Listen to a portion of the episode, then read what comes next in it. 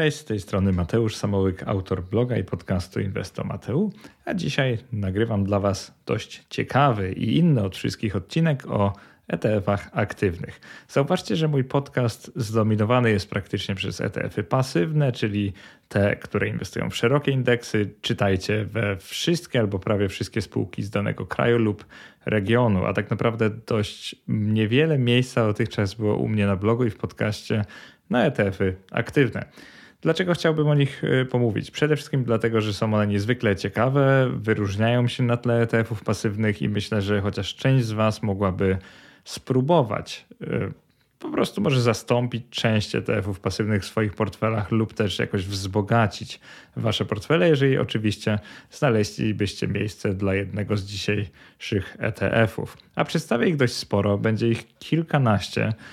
Od razu też mówię, że podobny materiał zaprezentowałem na konferencji Wall Street 27 w Karpaczu. Ten podcast nagrywam jeszcze przed nią, natomiast planuję wydać trochę po niej. Moje myślenie było takie, że głupio jakby ten materiał się zmarnował, a naprawdę wykonałem no, kawał porządnej analizy, jak zaraz zobaczycie, więc stwierdziłem, że wykorzystam to też do nagrania własnego podcastu, do wpisu na blogu, gdzie omówię ten temat nieco szerzej. Dlaczego inwestorzy w ogóle wybierają aktywne ETF-y? Co ich do tego skłania? No przede wszystkim chciwość, która jest elementem ludzkiej natury, więc tak naprawdę ciężko dziwić się tłumom inwestorów, którzy stadnie dość kupują popularne obecnie ETF-y. Często nawet nie rozumiejąc, jak te działają, co jest w środku i jak te ETF-y właściwie inwestują, czyli kiedy, w co, w jaki sposób wybierają spółki i myślę, że właśnie tę wiedzę warto by przekazać. Poza tym, że na przykład ETF-y na pewne branże mają dobre wyniki ostatnio, fajnie by spojrzeć na to, w co inwestują te ETF-y. Jeżeli chodzi o podział tego podcastu, to zaczniemy od czterech kategorii, które tu przedstawię. Później właśnie omówię każdą z nich, e, czyli ich skład, wyniki, jakieś przykładowe ETF-y z tej grupy. I na koniec spróbuję to wpleść e, w portfel inwestycyjny, czyli powiem Wam, gdzie i w jakich strategiach można używać których ETF-ów, które bym e, polecał komukolwiek, których bym raczej nikomu nie polecał, a które powinny być wykorzystywane tylko sytuacyjnie i z dużą rozwagą. Więc zaczynamy. Cztery ciekawe kategorie aktywnych ETF-ów. Pierwsza z nich to ETF-y czynnikowe, tudzież faktorowe. E, omawiałem już je, no może nie wielokrotnie na blogu, ale jednokrotnie, ponieważ istnieje już na blogu w PC Podcast o tytule Faktory ETF, Value Size Growth Momentum Quality Volatility i od tego materiału zmieniło się dość sporo, ponieważ go nagrałem dwa lata temu i tak naprawdę dzięki tym kolejnym e, dwóm, właściwie 24 miesiącom wyników wiemy o nich dużo więcej, możemy omówić nie tylko ich skład i jakąś ideę ich działania, ale możemy omówić też to jak sobie poradziły, jak działają naprawdę, ile kosztują teraz po kilku latach i tak dalej, i tak. Drugim typem funduszy, które dzisiaj omówię, będą ETF-y na branżę z potencjałem, czyli głównie na technologię. E, będą to m.in. ETF-y na szeroki sektor technologiczny, czyli indeksy typu Nasdaq 100 albo MSCI Information Technology oraz jego podgrupy. No i za podgrupy mam na myśli na przykład te modne branże typu AI, a więc sztuczna inteligencja, blockchain, czyli wiadomo, wszystko związane z kryptowalutami i nie tylko, czyli całą technologią blockchain, ETF-y na półprzewodniki oraz ETF-y na automatykę i robotykę, z których każdy rozpala wyobraźnię inwestorów, ale nie każdy jest dobry, dlatego myślę, że warto by im się teraz przyjrzeć. I jeżeli chodzi o modne branże, to jeszcze taka ciekawa wzmianka o jednym z przeszłych wpisów, który nazywał się Najmodniejsze fundusze ETF, woda, baterie, blockchain i pojazdy przyszłości. No, ja go wydałem jakieś około dwóch lat temu, też tak jak wiele takich właśnie ciekawych wpisów. Pokazałem w nim cztery modne na początku 2021 roku branże, w które wtedy masowo inwestowali inwestorzy aktywni. I teraz warto wspomnieć na samym początku, że skończyło się dość zgodnie z moimi ostrzeżeniami, czyli po dynamicznych wzrostach rynek wycenił w końcu fundamenty w większości drogich wtedy firm, sprawiając, że w ujęciu czteroletnim większość z funduszy wypadła bardzo zmiennie, ale też mizernie. W sensie tak naprawdę nie przyniosły one dużo lepszej stopy zwrotu od popularnych indeksów typu ADSV albo MSCI World. I to jest taka ciekawostka, że ADSV ok, wypadło trochę gorzej od tych branż w ujęciu czteroletnim, ale jak spojrzycie na ostatni rok, to tak naprawdę pobiło wiele z tych indeksów. W tym podcaście wrócimy do przyszłościowych ETF-ów, zmienimy trochę branżę, także będzie tym razem tak zwany high-tech, wysoka technologia i zobaczymy, jak one sobie radziły ostatnio, co one mają w środku, ile kosztują i tak dalej, i tak dalej. Trzeci rodzaj funduszy ETF, który przybliżę, to będą owiane tajemnicą fundusze Managed Futures, zwane także jako fundusze long short. Prawdopodobnie o nich nie słyszałeś lub nie słyszałaś, ale myślę, że ten podcast przybliży Wam je bardzo dobrze i będziecie wiedzieli, czy da się jakoś wpleść w Wasze portfele czy nie. Ostatnią grupą funduszy, które dzisiaj mówię, to będą te ryzykowne, znane z przeszłego podcastu, też fundusze ETF z dźwignią. E, ten poprzedni podcast nazwałem dość krzykliwie, e, mianowicie fundusze ETF dźwignią, szaleństwo czy sensowny składnik portfela i już wtedy ostrzegałem e, raczej niż zachęcałem do ich wykorzystania i teraz zobaczycie co się stało po roku dynamicznych spadków na indeksach, które te naśladują, oczywiście dźwignią.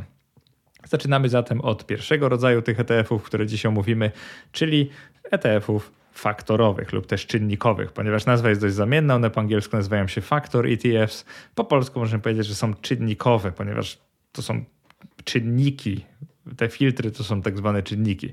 O co w nich chodzi? One przebierają rynek aktywnie w poszukiwaniu spełniających wybrane kryteria spółek. I dla przykładu czynnik y, wartościowy, czyli value, wybierze tylko spółki fundamentalnie tanie, a na przykład czynnik jakościowy, czyli quality, wybierze wyłącznie firmy o zdrowych finansach. I w odróżnieniu do tych dwóch y, istnieją też fundusze, które patrzą na cenę i zmiany ceny na giełdzie i to jest Momentum, który wybiera tylko firmy, których cena jest w mocnym trendzie wzrostowym, czyli najszybciej rośnie, a fundusze czynniku zredukowanej zmienności, on się nazywa po angielsku minimum volatility, kupuje firmy, których cena jest najbardziej stabilna w czasie, czyli po prostu najmniej zmienne spółki na giełdzie.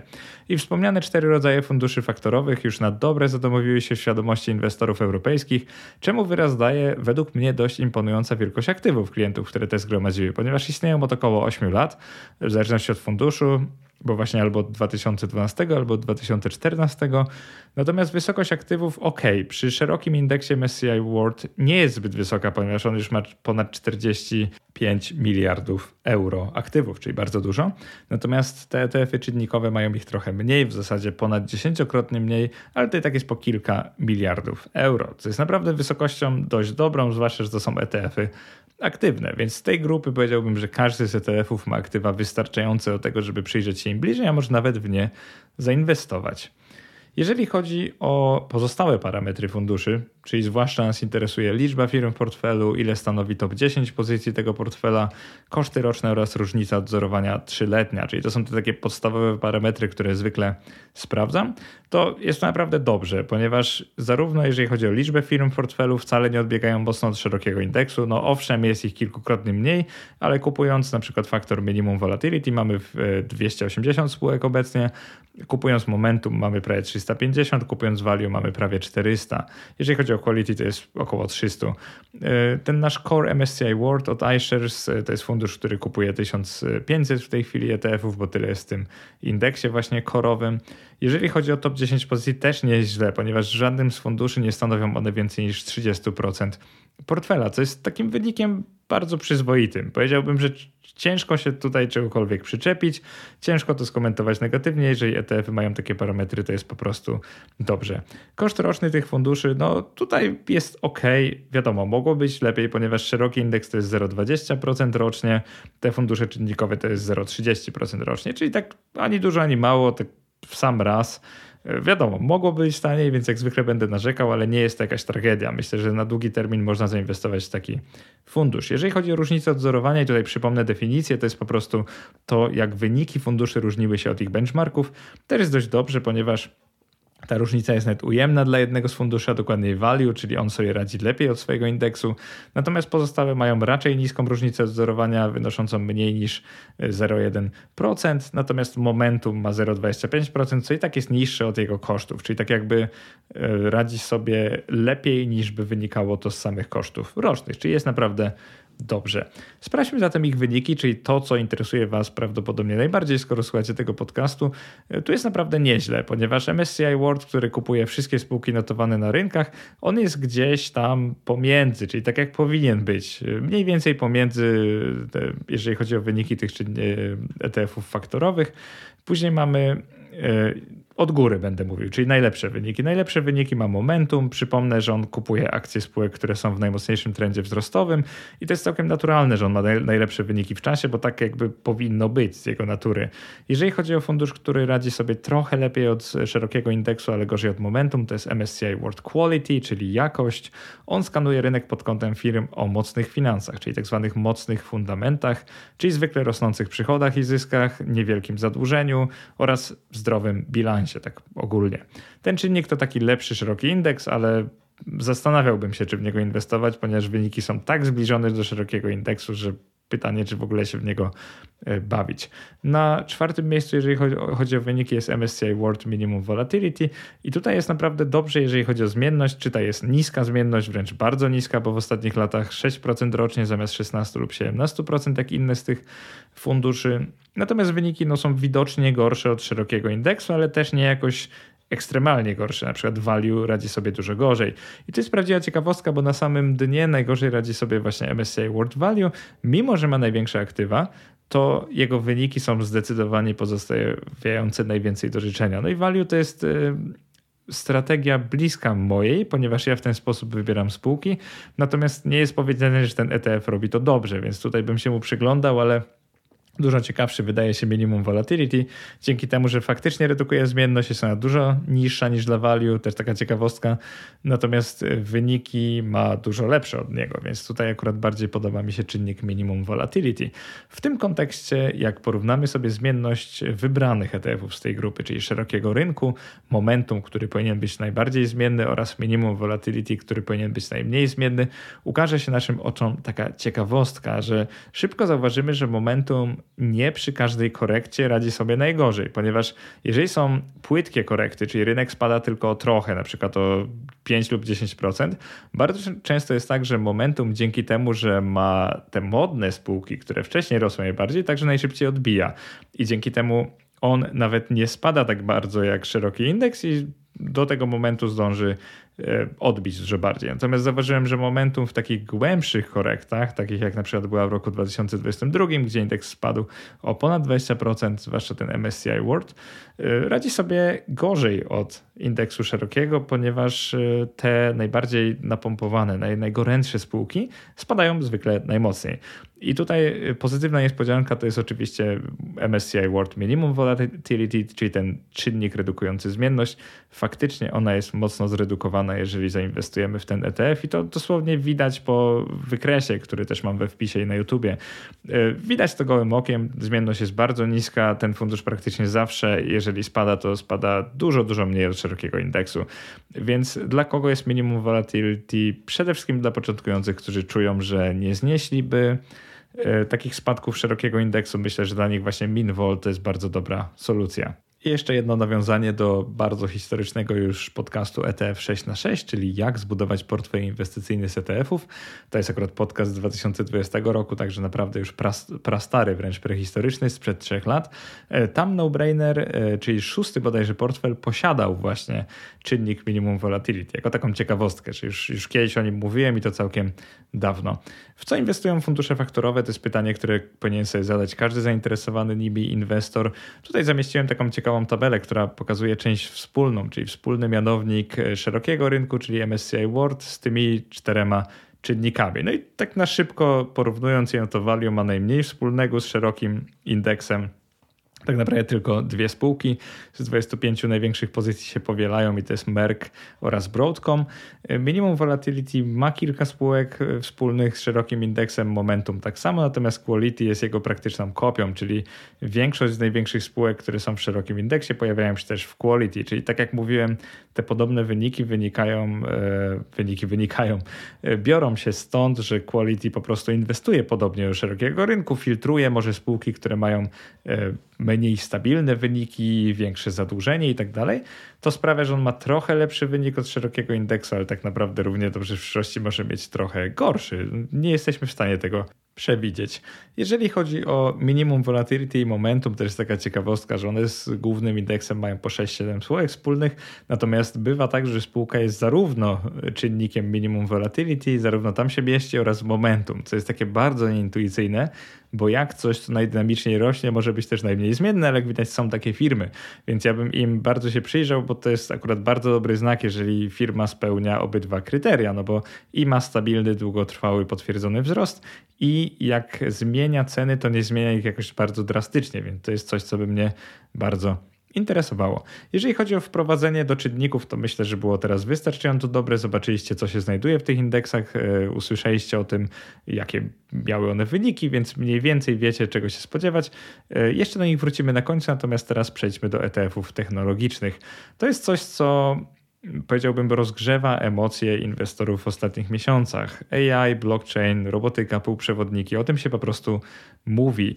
I jeżeli chodzi o fundusze, które się specjalizują w technologii, to mamy naprawdę z czego wybierać, ponieważ na tym głównym poziomie mamy MSCI World Information Technology, zwany też MSCI World Technology, czyli jak będę naprzemiennie o nich mówił, to jest ten sam indeks, także będę tylko o nim mówił w tym rozdziale podcastu.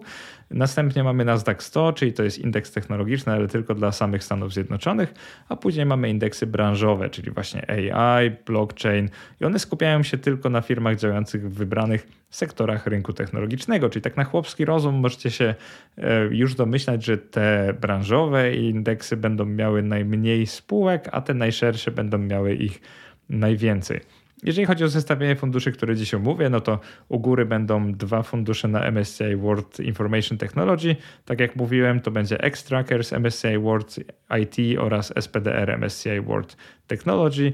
Wysokość aktywów dość spora, 2 miliardy oraz niespełna pół miliarda euro, czyli może być. Istnieją one od e, około 7 lat, więc jakby obydwa fundusze są takie godne umówienia. E, następnie będziemy mieli dwa fundusze na Nasdaq 100 i to będzie iShares Nasdaq 100 UCITS ETF oraz Invesco Nasdaq 100 UCITS ETF. One istnieją od naprawdę dawna, ponieważ iShares od roku 2010, Invesco od 2002. iShares zbierał ponad 8 miliardów euro aktywów aktywów, natomiast Invesco ponad 4 miliardy aktywów, czyli są naprawdę spore. To są przy okazji dwa największe fundusze z tego dzisiejszego zestawienia technologicznego. Następnie będziemy mieli kilka funduszy na AI, czyli to, co jest ostatnio najmodniejsze. Będziemy mieli jeden fundusz na blockchain, będziemy mieli też jeden fundusz na półprzewodniki oraz dwa na automatykę i robotykę. Jeżeli chodzi o te fundusze na AI, ja akurat nie wybrałem największych, tylko wybrałem najciekawsze, których najłatwiej wyniki e, jakoś docenić, też e, skład jest najbardziej sensowny, więc wybrałem mocno uznaniowo, pewnie jakbym poszedł po aktywach, bym wybrał trochę inne fundusze i to są akurat Wisdom Tree, Artificial Intelligence Usage ETF oraz LG Artificial Intelligence UCITS ETF. Ich tickery to jest WTAI i AIAI, po prostu taka ciekawostka. Istnieją one od dość niedawno, od odpowiednio 5 i 4 lat i ich aktywa to jest właśnie 380 milionów euro i 277 bilionów euro, czyli nie jest to za dużo, raczej to jest y, taka granica akceptowalności u mnie, ale mimo wszystko jest to wystarczająco dużo, by o nich w ogóle mówić. Teraz, jeżeli chodzi o pozostałe parametry tych funduszy, no jest tu tak średnio, ponieważ wiele z tych funduszy jest naprawdę drogich. Dla przykładu Invesco CoinShares Global Blockchain kosztuje 0,65% rocznie, a LNG Robo, czyli Global Robotics and Automation kosztuje 0,80% rocznie, czyli dość sporo. Mamy tu też fundusze tanie, czyli ten MSCI World Information Technology 0,25% rocznie to jest jak najbardziej ok. E, czy też te fundusze na Nasdaq 100, na przykład Invesco Nasdaq 100 kosztuje 0,30%. Jeżeli chodzi o różnicę odzorowania, też nie jest źle. One zazwyczaj mają niższą różnicę odzorowania niż indeksu. No zdarza się, że mają trochę wyższą, ale nie odbiega ona jakoś drastycznie, więc nawet specjalnie bym ich nie omawiał. Problem tych funduszy to jest to, że mają one mało spółek w portfelu i to jest naprawdę niewiele. Na przykład ten e, fundusz na blockchain, czyli Invesco CoinShares Global Blockchain ma tylko 45 spółek i największe 10 stanowi 44% jego portfela, czyli jest duża koncentracja. I tu jest też taka ciekawostka, że fundusze na AI wcale nie mają wielu więcej, bo od 70 do 75, czyli też dość sporo. Ten na półprzewodniki 66 spółek i Automation and Robotics, no 157 to jest iShares i 79 to jest LNG Robo Global Robotics. No tak jak powiedziałem, no nie jest to może najmniej firm, ale od ETF-a pewnie byśmy oczekiwali, że miał już trochę szerszą dywersyfikację. I tu prawdziwa niespodzianka, czyli te szerokie indeksy, czyli MSC World IT, też nie ma zbyt wielu spółek, 182, e, a Nasdaq 100 oczywiście, jak sama wskazuje, 100 spółek, więc tu zaskoczenia absolutnie nie ma. Problemem tych szerokich indeksów technologicznych jest koncentracja firm, ponieważ top 10 pozycji stanowi tutaj 59% portfela dla MSC World IT i 55% portfela dla Nasdaq 100, czyli naprawdę dość dużo. Powiedziałbym, że może trochę za dużo, ponieważ tak jak się narzeka na to, że na przykład w S&P 500 duży odsetek stanowią największe firmy, to zauważcie jak tutaj, jak źle jest tutaj lub dobrze, bo oczywiście jeżeli akceptujemy indeksy ważone kapitalizacją, to oczywiście jest ok, natomiast no, ta koncentracja jest trochę spora.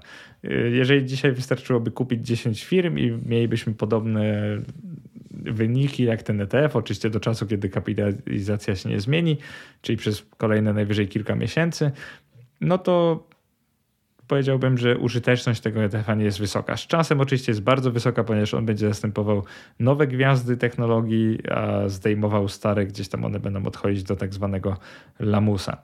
Jeżeli chodzi o wyniki funduszy technologicznych, to jest tu też bardzo ciekawie, ponieważ jeżeli w ostatnich czterech latach narysujemy je sobie w porównaniu do S&P 500, to zobaczymy, że te fundusze były dużo bardziej zmienne, a zwłaszcza przykład blockchain, który był bardzo, ale to bardzo zmienny i jego wykres wygląda bardzo podobnie do wykresu Bitcoina, czyli mamy oczywistą pozytywną korelację z Bitcoinem i tak naprawdę mój jedyny komentarz jest taki, że przecież można było zainwestować w Bitcoina, że po co w ogóle bawić się w ten fundusz, ponieważ nie ma sensu płacenie wysokich opłat rocznych jego dostawcy. Jeżeli chodzi o pozostałe fundusze, to AI radzi sobie także bardzo dobrze, natomiast y, po tych czterech latach jego wyniki są zbliżone do S&P 500, więc jak spojrzymy na to w pewnym ujęciu y, wynikowym, to się okaże, że ok, one miały bardzo dobry okres, y, zwłaszcza ten rok 2020-2021 i później w 2022 straciły tak dużo, że tak naprawdę S&P 500 zaraz je może nawet pobić. Podobnie jest, jeżeli chodzi o Nasdaq 100, no radzi sobie lepiej od większości tych funduszy MSCI World Technology wyszedł w ogóle najlepiej z tej grupy. Mimo, że no jak sobie spojrzycie, MSCI World e, IT oraz Nasdaq 100 to są swoje klony, wyniki mają bardzo podobne, więc mimo tego, że MSCI World ma też spółki zagraniczne, nie tylko te notowane na amerykańskim Nasdaq, to zobaczycie, że to są po prostu klony, że radzą sobie podobnie, mają podobne koszty. Tak naprawdę można dowolnie wybrać ten fundusz, mam wrażenie, i nie będzie dużej różnicy. Oczywiście fani inwestowania globalnego powinni wybrać MSCI World Technology. I tu taką ciekawostką będzie to, że no dobrze, sektory były bardzo zmienne, trochę był na nie taki, jak to się mówi, hype, ale w ogólnym rozrachunku rzadko który pobił S&P 500 i żaden nie pobił szerokiego indeksu technologicznego Nasdaq 100. I to też dużo mówi o tych funduszach, bo no akurat w tych czasach mogłyby pobić Nasdaq 100, ponieważ to był no te branże były bardzo modne wtedy, więc to jest trochę dziwne, że aż tyle straciły w 2022, ale to jest to, co często zresztą mówię w moim podcaście, czyli te najbardziej nagrzane, najbardziej rozgrzane branże. Jeżeli mamy spadki na giełdzie, to to nie jest tak, że one spadają równo z szerokim rynkiem, one zwykle spadają bardziej i to właśnie widać pięknie po tych sektorach.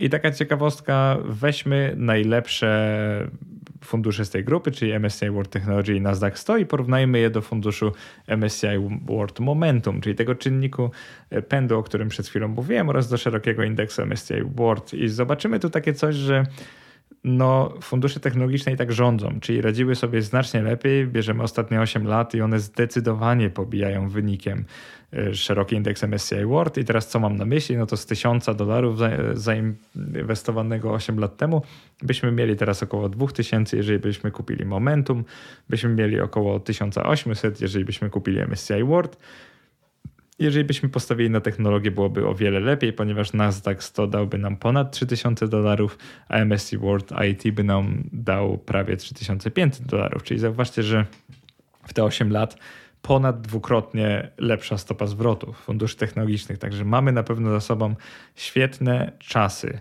E, dla funduszy technologicznych. Pytanie, jak będzie przed nami, tego oczywiście nie wiemy. Natomiast co możemy sprawdzić, to tak samo wspólny mianownik e, tych e, sześciu w zasadzie rodzajów funduszy i teraz się możecie trochę zdziwić, ponieważ porównałem wszystko do najszerszego MSCI World IT i okazuje się, że Nasdaq i MSCI World IT faktycznie mają bardzo dużą część wspólną. Wiele spółek jak z tych samych to oczywiście nie dziwi, bo to widać po wynikach, że po prostu na przykład jest tam Apple, Microsoft, Nvidia, czy Broadcom, czy też Cisco i to naprawdę widać, ponieważ wyniki tych dwóch gigantów są bardzo siebie zbliżone w czasie. Później mamy też kolejną ciekawostkę, fundusz na AI, czyli sztuczną inteligencję. Nie ma dużej części wspólnej, czyli ma Nvidia, e, ma ServiceNow na przykład. To są firmy, które się może za bardzo nie kojarzą z AI. Przynajmniej ServiceNow się nie kojarzy, ale jak widać używają tej technologii, dlatego tutaj się załapały. W blockchain też nie ma dużej części wspólnej. Cztery firmy, z czego największą jest Mastercard. To też jest ciekawostka, bo też może się aż tak nie kojarzyć z tą technologią. No płatności owszem, ale na pewno nie kojarzy się z kryptowalutami, a wręcz przeciwnie. Później mamy półprzewodniki i to też jest ogromna część wspólna z szerokim indeksem MSCI World Technology oraz Nasdaq. Tutaj wcale nas to nie dziwi. Są tam firmy też typu Nvidia, typu AMD, Intel, no, IBM, to czego byśmy się spodziewali e, po takim indeksie. Jeżeli chodzi o robotykę, to tutaj ponownie Nvidia oraz firma SAP, która mi się akurat z robotyką bardzo nie kojarzy, ale może chodzi o taką automatyzację procesów e, powiedzmy w Windowsie. E, więc może trochę zaskakiwać, zwłaszcza mnie zaskakuje, że na przykład są firmy, które są zarówno AI, półprzewodnikowe i związane z robotyką, i to jest na przykład Nvidia.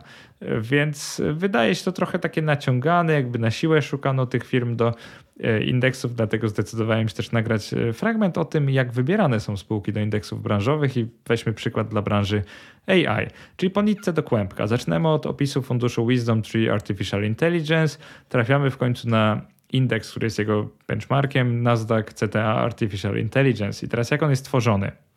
Na początku wybiera się trzy rodzaje firm i przypisuje im odpowiednie wagi, czyli mnoży się jakby ich naturalną kapitalizację razy określone niżej Enabler, czyli aktywator, to jest pierwszy rodzaj firmy, 40% wagi w indeksie, to jest po prostu firma, która umożliwia powstawanie AI. Może to być firma, która produkuje technologie bazodonowe, produkuje półprzewodniki i tak naprawdę ona się nie musi nijak kojarzyć z AI, taka ciekawostka. Później mamy drugi rodzaj firm, to są engagery, czyli angażujące firmy, to jest 50% wagi w indeksie. To są firmy, które faktycznie budują rozwiązania AI w formie produktów lub systemów. I to są te firmy, które nam się kojarzą bezpośrednio z AI. Następnie mamy firmy tak zwane enhancer, czyli ulepszający, 10% wagi w indeksie, czyli dużo mniej niż pozostałe i to są firmy, które zupełnie nie trudnią się AI, ale wykorzystuje się w jakiejś mniejszej lub większej mierze, czyli na przykład do linii usług lub produktów. I tu ciekawe, bo naprawdę mogą w czasie zdarzyć się prawdziwe anomalie, a na przykład firmą, która kiedyś znajdzie się w indeksie AI może być PKN Orlen albo Orange Polski. Więc zrozumcie, że to nie jest tak, że indeksy AI, że ETF-y na AI faktycznie kupują tylko firmy, które zajmują się stricte tym. Działa to tak, że później z każdej z tych grup bierzemy po 15 największych firm i to one tworzą indeks Artificial Intelligence. W praktyce oznacza to to, że 30-40 firm, 45 przepraszam, firm w tym indeksie może kompletnie nie kojarzyć się ze sztuczną inteligencją ani z technologią. To, to jest taka największa ciekawostka. E, kolejny rodzaj funduszy, które omówię w tym podcaście, to są modne fundusze na managed futures, tak zwane.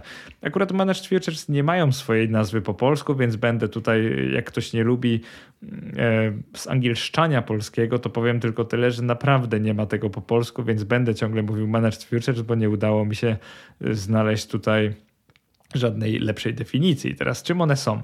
To są według mnie takie najaktywniejsze z aktywnych ETF-ów, ponieważ decyzje zarządzających dokonywane są uznaniowo i zgodnie z ich oceną obecnej sytuacji na rynkach finansowych, walutowych, surowcowych oraz przykład wysokości stóp procentowych. I fundusze Managed Futures mogą inwestować we wszystko, e, w co zarządzający chcą inwestować. Mogą one oczywiście używać jakichś strategii aktywnych typu momentum, e, mogą grać przeciwko oraz za, czyli zajmować pozycje długie oraz pozycje krótkie. Powiedziałbym, że zarządzający zwykle deklarują jakieś aktywne strategie, którymi będą się posiłkować, ale zwykle jedną z najczęstszych jest po prostu zwykły trend following, czyli korzystanie ze zjawiska trendu na rynkach finansowych i podłączanie się właśnie pod trend. Jeżeli chodzi o zarządzających, no to tutaj każdy z tych ETF-ów będzie działał trochę inaczej i tak naprawdę trzeba wejść w szczegóły, żeby dowiedzieć się, co one robią, ale może zanim to zrobimy, to opowiem o tych funduszach. No to ciekawostka jest taka, że nie ma już funduszy europejskich tego rodzaju, e, więc cztery, które tu mówię, będą amerykańskie. Był jeszcze niedawno wśród europejskich ETF-ów taki ETF, nazywał się JP Morgan Managed Futures UCITS ETF, ale po dużych spadkach w 2020 e, roku, czyli wtedy, kiedy jego zarządzający może obstawili niewłaściwego konia, że tak powiem, e, niemal całkowicie odpłynął kapitał z niego i został on później zlikwidowany, więc taka trochę przestroga przed inwestowaniem w takie fundusze. E, te, które umówię tutaj, to są dość popularne fundusze, pewnie wielu z Was mogło słyszeć o nich. E, wszystkie są amerykańskie, także kupicie między innymi przez konto Fairtrade, które polecam, ale też w Tasty, to się kiedyś nazywało Tasty Works, teraz bodajże Tasty Trade, wydaje mi się, że dobrze pamiętam. E, więc możecie kupić bezpośrednio brokerów amerykańskich, między innymi to jest e, IMGP DBI Managed Future Strategy ETF, czyli DBMF, jeżeli chodzi o ticker. Dość znany fundusz, mimo że istnieje raptem od 4 lat. Drugi z nich, też znany, to jest KFA Mount Lucas Managed Futures Index Strategy, czyli KMLM. On istnieje jeszcze krócej, bo od roku 2020, ale no jest dość znany, zaraz Wam wyjaśnię dlaczego, ponieważ mocno obydwa z nich pobiły indeksy w roku 2022, czyli wtedy, kiedy indeksy akcji właśnie mocno spadały, obligacje też spadały, a te ETF-y zyskiwały, więc zyskały pewną sławę. Ich koszty, no cóż, wysokie, co będę mówił, 0,85%, 0,92% i kolejno 0,95 i 0,65. Te dwa ostatnie to jest jeszcze FMF, czyli First Trust Managed Futures Strategy i ostatni WTMF, czyli Wisdom Tree Managed Futures Strategy Fund. Wysokość aktywów dość duża jak na takie aktywne ETF-y, bo największy z nich ma 750 milionów dolarów, czyli bym powiedział, że jak najbardziej wystarczająco. Te dwa najmniejsze mają 171 i 138 milionów, no trochę za mało, ale też się nie będę czepiał, bo to są ETF-y aktywne, a takie zwykle mają dużo niższe aktywa niż ETF-y pasywne, czyli te na szerokie indeksy. W co inwestują ETF-y Managed Futures? Y, jak pewnie się spodziewasz, to są nie aktywa bazowe, tylko kontrakty na różnego rodzaju instrumenty finansowe i zaprezentuję tutaj takie przykładowe, które w maju 2023 roku trzy największe fundusze miały w swoich portfelach wraz z tym kierunkiem, czyli czy obstawiały coś w górę, czy w dół. Czy jakby czy grały za czymś, czy przeciwko czemuś. I na przykład największy DBMF y, na longu, czyli grał za czymś, y, grał na wzrosty, akcje europejskie i azjatyckie oraz złoto oraz euro. Także zauważcie, waluty, kruszce, akcje, cokolwiek tak naprawdę zarządzający chcą. Miał w portfelu 14 instrumentów łącznie i na shorcie, czyli grał przeciwko akcjom amerykańskim, akcjom z rynków wschodzących, też ciekawostka, jenowi japońskiemu, dolarowi amerykańskiemu, ropie naftowej, obligacjom USA. Także grał mocno przeciwko USA i grał mocno za różnymi innymi klasami aktywów. Czyli to jest, jak widzicie, mocno uznaniowe, po prostu zarządzający stosują jakieś strategie, jeżeli im ufacie, no to możecie zainwestować w taki ETF. Drugi z nich, dużo więcej tych kontraktów, bo aż 32, ten KMLM, to jest jego ticker. Na longu miał obligacje Japonii i Kanady, frank szwajcarski, fund brytyjski, euro, złoto, cukier oraz miedź, także zauważcie, że tutaj za bardzo akcji nie było. Na shorcie, czyli grał przeciwko, to były obligacje Niemiec i Wielkiej Brytanii, dolar, jen, ropa naftowa, gaz surowce rolne, także zauważcie, że każdy z nich się trochę specjalizuje w czym innym. Trzeci z nich FMF, czyli od First Trust Fundusz, 64 kontrakty, czyli naprawdę dużo. No i to jest prawdziwa niespodzianka, że największą pozycją długą było meksykańskie peso i brazylijski real, czyli takie waluty dość e, egzotyczne. Cukier, kakao, akcje europejskie, frank szwajcarski, akcje japońskie, natomiast na szorcie miał on euro, jena, dolara, obligacje USA, obligacje europejskie, gaz, bawełnę i akcje amerykańskie. Także żaden z wyżej wymienionych nie śledzi bezpośrednio żadnego indeksu, ale możemy znaleźć wzmianki o indeksach w ich e, papierach, na przykład SG CTA Index oraz CD Managed Future Strategy Index. Więc jak najbardziej da się znaleźć różne indeksy takich aktywnych ETF-ów, natomiast one działają mocno uznaniowo i po prostu robią to, co chcą ich zarządzający, tak w skrócie, co ja będę kolorował. Są to w końcu fundusze aktywne. Ich wyniki w krótkim oraz długim terminie, zacznijmy od krótkiego terminu, czyli ostatnich kilku lat, no to jest powód, dla którego zrobiło się o nich głośno, ponieważ właśnie tak jak mówiłem, w roku po dużych wzrostach roku 2021, kiedy przykład S&P 500 mocno wzrósł, yy, zaczął on spadać, czyli stracił w pewnym momencie nawet 20 kilka procent i w tym samym czasie obydwa największe fundusze, czyli ten właśnie DBMF oraz KMLM rosły bardzo dynamicznie i tym samym jakby zasłynęły, ponieważ kiedy zarówno akcje i obligacje traciły, to te fundusze zyskiwały, czyli branża inwestycyjna trochę zrobiła z nich takie gwiazdy tego roku i powiedziała, że to jest coś innego od akcji i obligacji i warto w to zainwestować. Prawda jest taka, że nie wiemy jak będzie w przyszłości, i nie trzeba szukać daleko, bo nawet na tym samym wykresie widzimy, że około marcu, marca 20, 2022 roku widać było, że jeden z tych funduszy mocno stracił. Tak dość nagle to było nieskorelowane z giełdą akcji i stracił jakieś, no chyba to jest ponad 10%, jeżeli dobrze czytam wykres, to był ten DBMF. Więc widać, że to nie jest lekarstwo na wszystko i jakieś cudowna solucja na mądre inwestowanie to jest nic innego niż aktywny ETF, który miał trochę szczęścia w obstawianiu e, kierunku zmian w jednym roku i tak naprawdę ze względu na ich krótką historię nie wiemy jak będzie w przyszłości.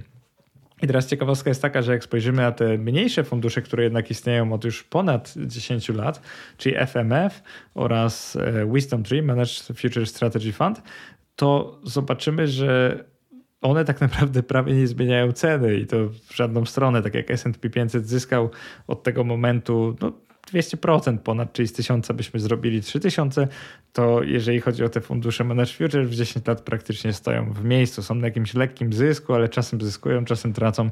Nie jest to nic ciekawego. Więc mimo tego, że w 2022 roku dwa z tych funduszy, te nowe, uratowały one wynik inwestycyjny niejednego inwestora, który zdecydował się je wybrać, to zauważcie, że no, dla mnie o wiele skuteczniejsza by była nawet zwykła aktywna strategia momentum, na przykład GEM, w której byśmy po prostu przejadali się z akcji na obligacje albo nawet z akcji na gotówkę po prostu, niż zabawa w taki fundusz, czyli po prostu moim zdaniem lepiej realizować samemu prostą strategię momentum niż ufanie zarządzającym, którzy pobierają prawie 1% rocznie, inwestują w dziesiątki kontraktów, trochę jak taki hedge fund, czyli fundusz hedgingowy, ale tak naprawdę nie wiemy, jakim to wypadnie w przyszłości. Wiadomo, że inwestowanie jest ryzykowne i nigdy nie wiemy, ale w tym przypadku no, nie jestem pewien, czy chciałbym zaufać takim zarządzającym, bo miały dobry rok, ale musimy poczekać jeszcze przynajmniej kilka, żeby zobaczyć, czy będą miały więcej dobrych lat. Teraz e, czwarty rodzaj, który omówię, czyli ostatni w tym podcaście, ETF-y akcyjne z dźwignią, czyli prawdziwa jazda bez trzymanki. I nawiążę najpierw do podcastu jednego z tych e, już przeszłych, w którym powiedziałem dość dużo o takich e, funduszach. On właśnie nazywał się Fundusz ETF z dźwignią i tam powiedziałem, że fundusze z dźwignią na Nasdaq, czyli ten indeks technologiczny z USA, e, mają za sobą świetną pasę, że naprawdę wykręciły taki wynik inwestorom, że coś pięknego. Natomiast ostrzegłem, że jeżeli byśmy skorzystali z tego narzędzia spekulacji na długi termin, czyli wtedy je kupili i zostawili do dzisiaj, no to wręcz współczuję inwestorom. I teraz wyjaśnię Wam dlaczego i wyjaśnię Wam, co się stało z tymi funduszami w roku 2022. Jakie fundusze omawiam? To są tylko dwa, czyli Wisdom Tree, Nasdaq 100 Three Times, czyli razy daily leverage, czyli ten lewar dzienny. Jego ticker to QQQ3, powstał w roku 2012, czyli w sumie istnieje bardzo długo jak na fundusz z lewarem. Koszt roczny 0,75% rocznie, czyli sporo, ale tak jeszcze akceptowalnie jak na taki fundusz. Wysokość aktywów 200 milionów dolarów. Drugi z nich to jest e, miniaturka przy tym pierwszym i też istnieje od niedawna, bo tylko od stycznia 2021.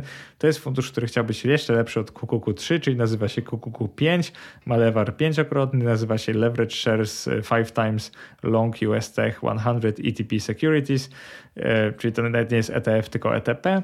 Taki produkt, jego data powstania, tak jak mówiłem, no, nie istnieje od dawna, od stycznia 2021. Koszt roczny ponad 1,5% rocznie, wysokość aktywów niespełna 10 milionów dolarów, czyli to jest prawdziwa e, miniaturka. I teraz jak działa dźwignia, e, dźwignia dzienna, a jak destrukcyjnie właściwie działa, jeżeli mamy okres spadków, to zobaczycie najlepiej na wykresie. Ale wyobraźcie sobie, że w tych gorszych latach na rynku akcji, czyli 2000, koniec 2021 i 2022, czyli właściwie cały 2022, Nasdaq stracił wtedy, czyli ten Nasdaq 100, stracił tak około no, ponad 25% w porywach. Jeżeli chodzi o ten fundusz z dźwignią trzykrotną, on stracił nawet ponad 75%, natomiast ten fundusz z dźwignią pięciokrotną ponad 95%. Z 20 zł byście zrobili 1 zł. I teraz powiem Wam, że inwestuję na giełdzie już od ponad dekady. Wiele już widziałem, ale przyznam, że nie wytrzymałbym zbyt długo, widząc jak mój ciężko zarobiony kapitał topnieje w tak dynamiczny sposób, jak właśnie ten Nasdaq na pięciokrotnym lewarze. I właśnie problemem z tymi ETF-ami jest dźwignia dzienna, która sprawia, że strata rzędu 2% dziennie zamienia się w stratę rzędu 6 lub nawet 10% dziennie e, przez ten lewar. Czyli procent składany działa też dużo szybciej no, w obydwie strony, czyli nie tylko jak zyskujemy, ale tak jak tracimy. A wiecie pewnie z matematyki, że jeżeli tracimy na wysokim procencie i składamy procent, no to tak jakby to postępuje szybciej niż jak wtedy, gdy zyskujemy, a przynajmniej to tak wygląda na wykresie. I właśnie taki wykres dość ciekawy, czyli ETF jest dźwignią przez kilka lat pozytywnego trendu, to zobaczycie, że ten e, Nasdaq QQQ3 od Wisdom Tree radził sobie naprawdę świetnie w latach 2020-2022, czyli z tych kilku tysięcy dolarów byście zrobili e, prawie 20 tysięcy, no świetna, wręcz fenomenalna stopa zwrotu, tylko czy to ryzyko jest tego warte? No to pokazuje rok 2022, w którym wasze prawie 17,5 tysiąca dolarów zmieniłoby się w końcu w 4 tysiące dolarów. Także taka była głębokość spadków tego funduszu. I problem e, z wykorzystaniem tych funduszy nawet w strategii momentum, takiej bardziej aktywnej, jest taki, że nawet jak mamy długi i potwierdzony trend wzrostowy i korzystamy wtedy z funduszu long tego typu, to najczęściej zmiana trendu jest dość dynamiczna, taka szybka i nie przewidzimy jej, a już będziemy, nie wiem, 30% w tak zwane przysłowiowe plecy. Więc jeżeli by było jeżeli dałoby się łatwo przewidzieć zmiany trendów, to myślę, że posiadacz QQQ5 byłby już nie tylko milionerem, ale i miliarderem. Prawda jest taka, że ciężko to przewidzieć, więc bardzo ostrożnie podchodziłbym do wykorzystywania tych funduszy. Na przykład, jeżeli mamy potwierdzony trend wzrostowy, moglibyśmy zamienić zwykły fundusz, nie wiem, w 10% właśnie takim dźwignią, natomiast zastosować coś takiego, że jeżeli się nie mylimy i faktycznie rośnie, to jakoś stopniowo przerzucać tak dodatkowo zarobiony kapitał do tego funduszu bez dźwigni. To nie jest takie proste, trzeba sobie jakieś kryteria matematyczne ustawić, natomiast jak będziemy się ich trzymać, to możemy na tym wyjść dobrze albo nawet bardzo dobrze. I jak ostatnia część podcastu, taka bardziej praktyczna, czyli jak zwiększyć zysk twojego portfela, tak jak było w tytule, tak jak to mówią, there is no free lunch. Oznacza to, że nie ma darmowych lunchy, zawsze płacimy jakąś cenę za coś w życiu, a tutaj ten dodatkowy zysk ma swoją cenę w postaci wyższej zmienności cen w czasie, co widzieliście zresztą po wykresach cenowych. Nie inaczej będzie tym razem, bo modyfikacje strategii pasywnych przyniosą rezultat w postaci albo lekko zwiększonej historycznej stopy zwrotu, albo mocno obniżonej zmienności, czyli przy znacząco niższej stopie zwrotu mamy niższą zmienność. Jak można zmodyfikować strategie pasywne? Na to mam e, kilka sposobów.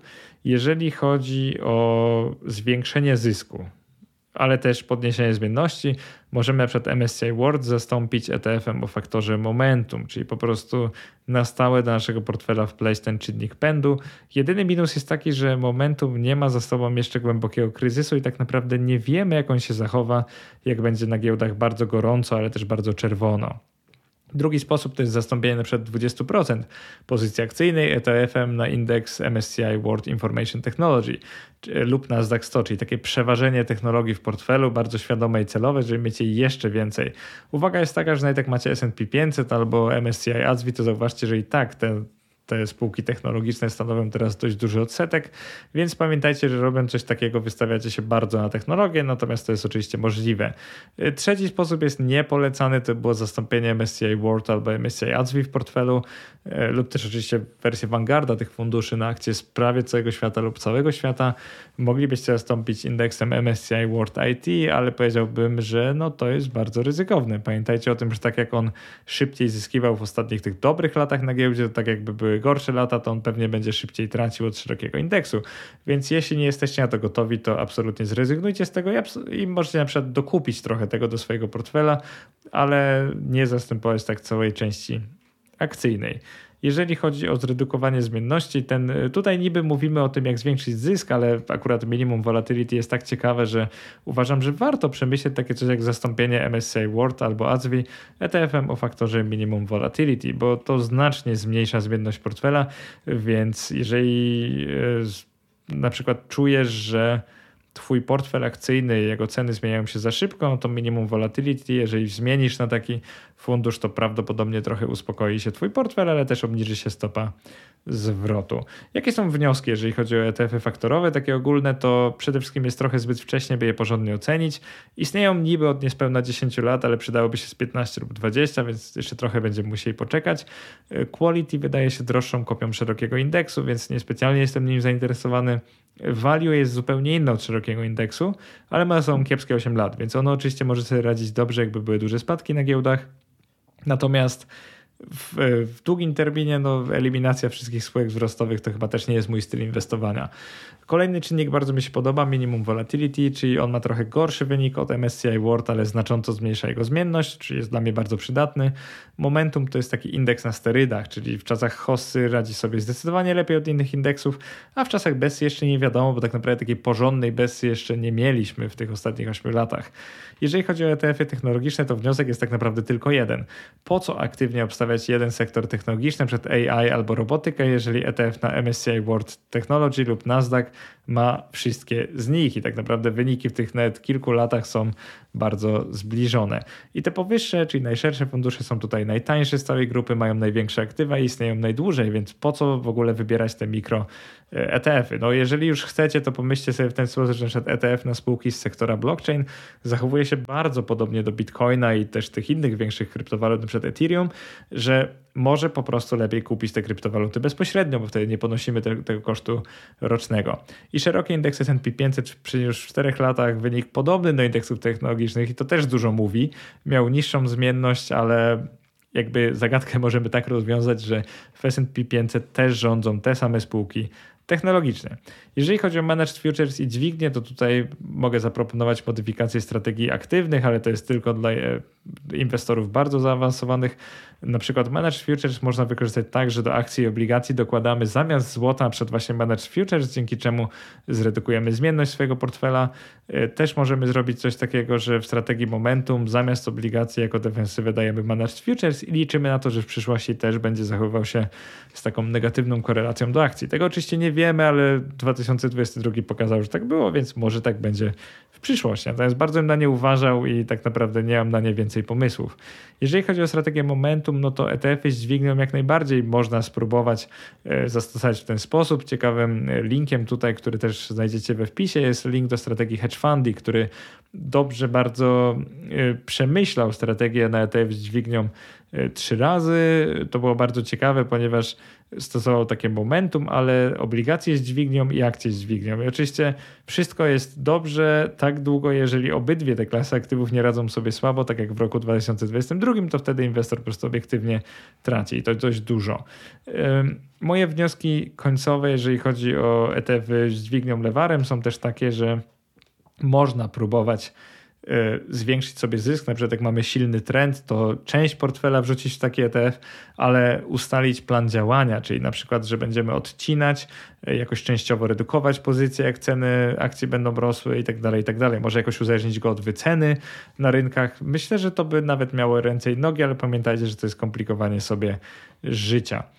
Managed Futures, e, wnioski końcowe w złych czasach wydają się zyskownymi, stabilizującymi portfel ETF-ami, ale mają bardzo krótką historię, czyli 2-3 lata. To jest bardzo mało. E, pewnie za tym możemy być tego, że wysokie koszty zjedzą ich wynik w długim terminie. No i teraz jakbym ich użył, no to ewentualnie można e, dodać ich trochę do portfela jako taki bezpiecznik, ale równie dobrze można dodać ETF minimum volatility albo ETC na złoto, czyli to nie jest tak, że Managed Futures to jest jakiś święty gral. Są dla mnie trochę zbyt aktywne i tak naprawdę nie wiemy, co zarządzający zrobią w przyszłości.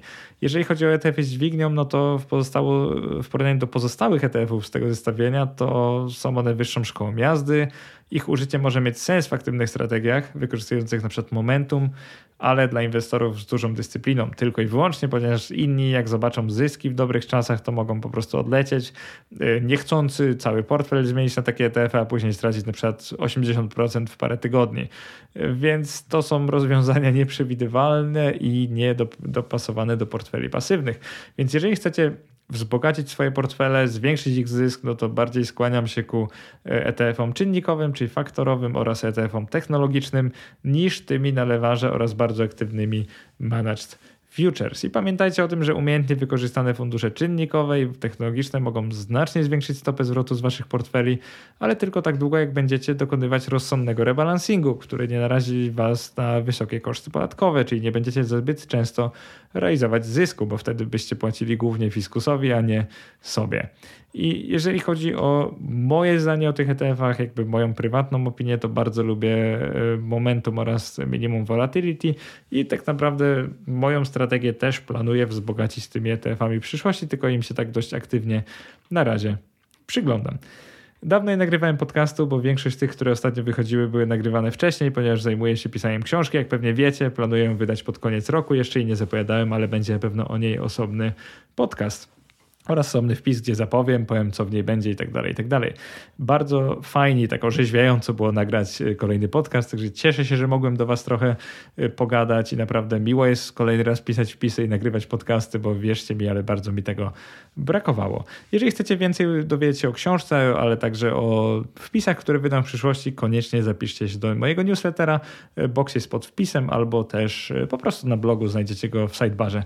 Bardzo dziękuję i do następnego podcastu. Cześć.